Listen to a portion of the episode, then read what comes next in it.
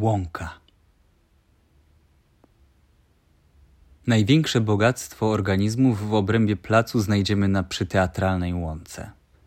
Kolejne etapy w cyklu rozwojowym tych kilkudziesięciu gatunków roślin i bezkręgowców, takie jak kwitnienie, przepoczwarzanie się, wydawanie owoców, zdobywanie pokarmu, można by porównać do trwającego bez przerwy spektaklu, w którym kolejni aktorzy i aktorki wychodzą na scenę o różnych porach dnia i roku. Nad sceną nigdy nie gaśnie światło.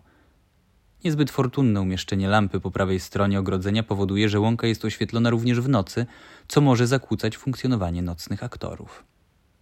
Na łące spotkamy rośliny zasiane w tym miejscu celowo w mieszance nasion łąkowych oraz te, które wykiełkowały spontanicznie. Część zasianych roślin to tak zwane chwasty polne związane z uprawami zbóż, jak na przykład maki czy chabry.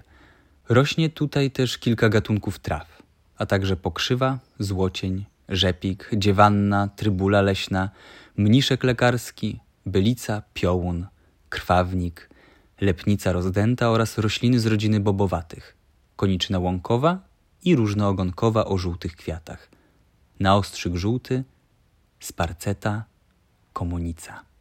Dzięki nim mieszkające w domach dla owadów dzikie zapylacze mają gdzie pożywić siebie i swoje larwy. Każdy kolejny gatunek rośliny to możliwość wystąpienia jednego lub kilku kolejnych gatunków owadów, pajęczaków czy innych bezkręgowców. W glebie natomiast wraz z korzeniami rozwijają się grzyby mikoryzowe. Nasionami roślin pożywiają się przylatujące wróble. Rośliną, która pojawiła się na łące spontanicznie, jest przymiotno kanadyjskie, inaczej konyza z rodzaju astrowatych. Ten północnoamerykański gatunek rośnie pospolicie w Warszawie i bardzo często można go spotkać na trawnikach i w szczelinach mokotowskich chodników. Jest rośliną inwazyjną. Do Europy przybyła w XVII wieku wraz z migrującymi ptakami lub z nasionami roślin uprawnych. Przymiotno ma małe, białe kwiatostany oraz owoce z białym puchem używanym niegdyś do wypychania zwierząt.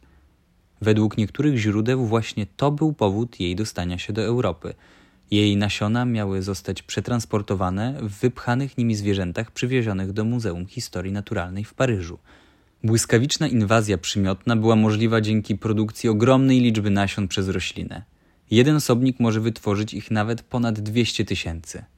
W inwazji pomogły jej też związki z grzybami mikoryzowymi, odporność na herbicyty i choroby oraz wytwarzanie substancji szkodliwych dla innych roślin.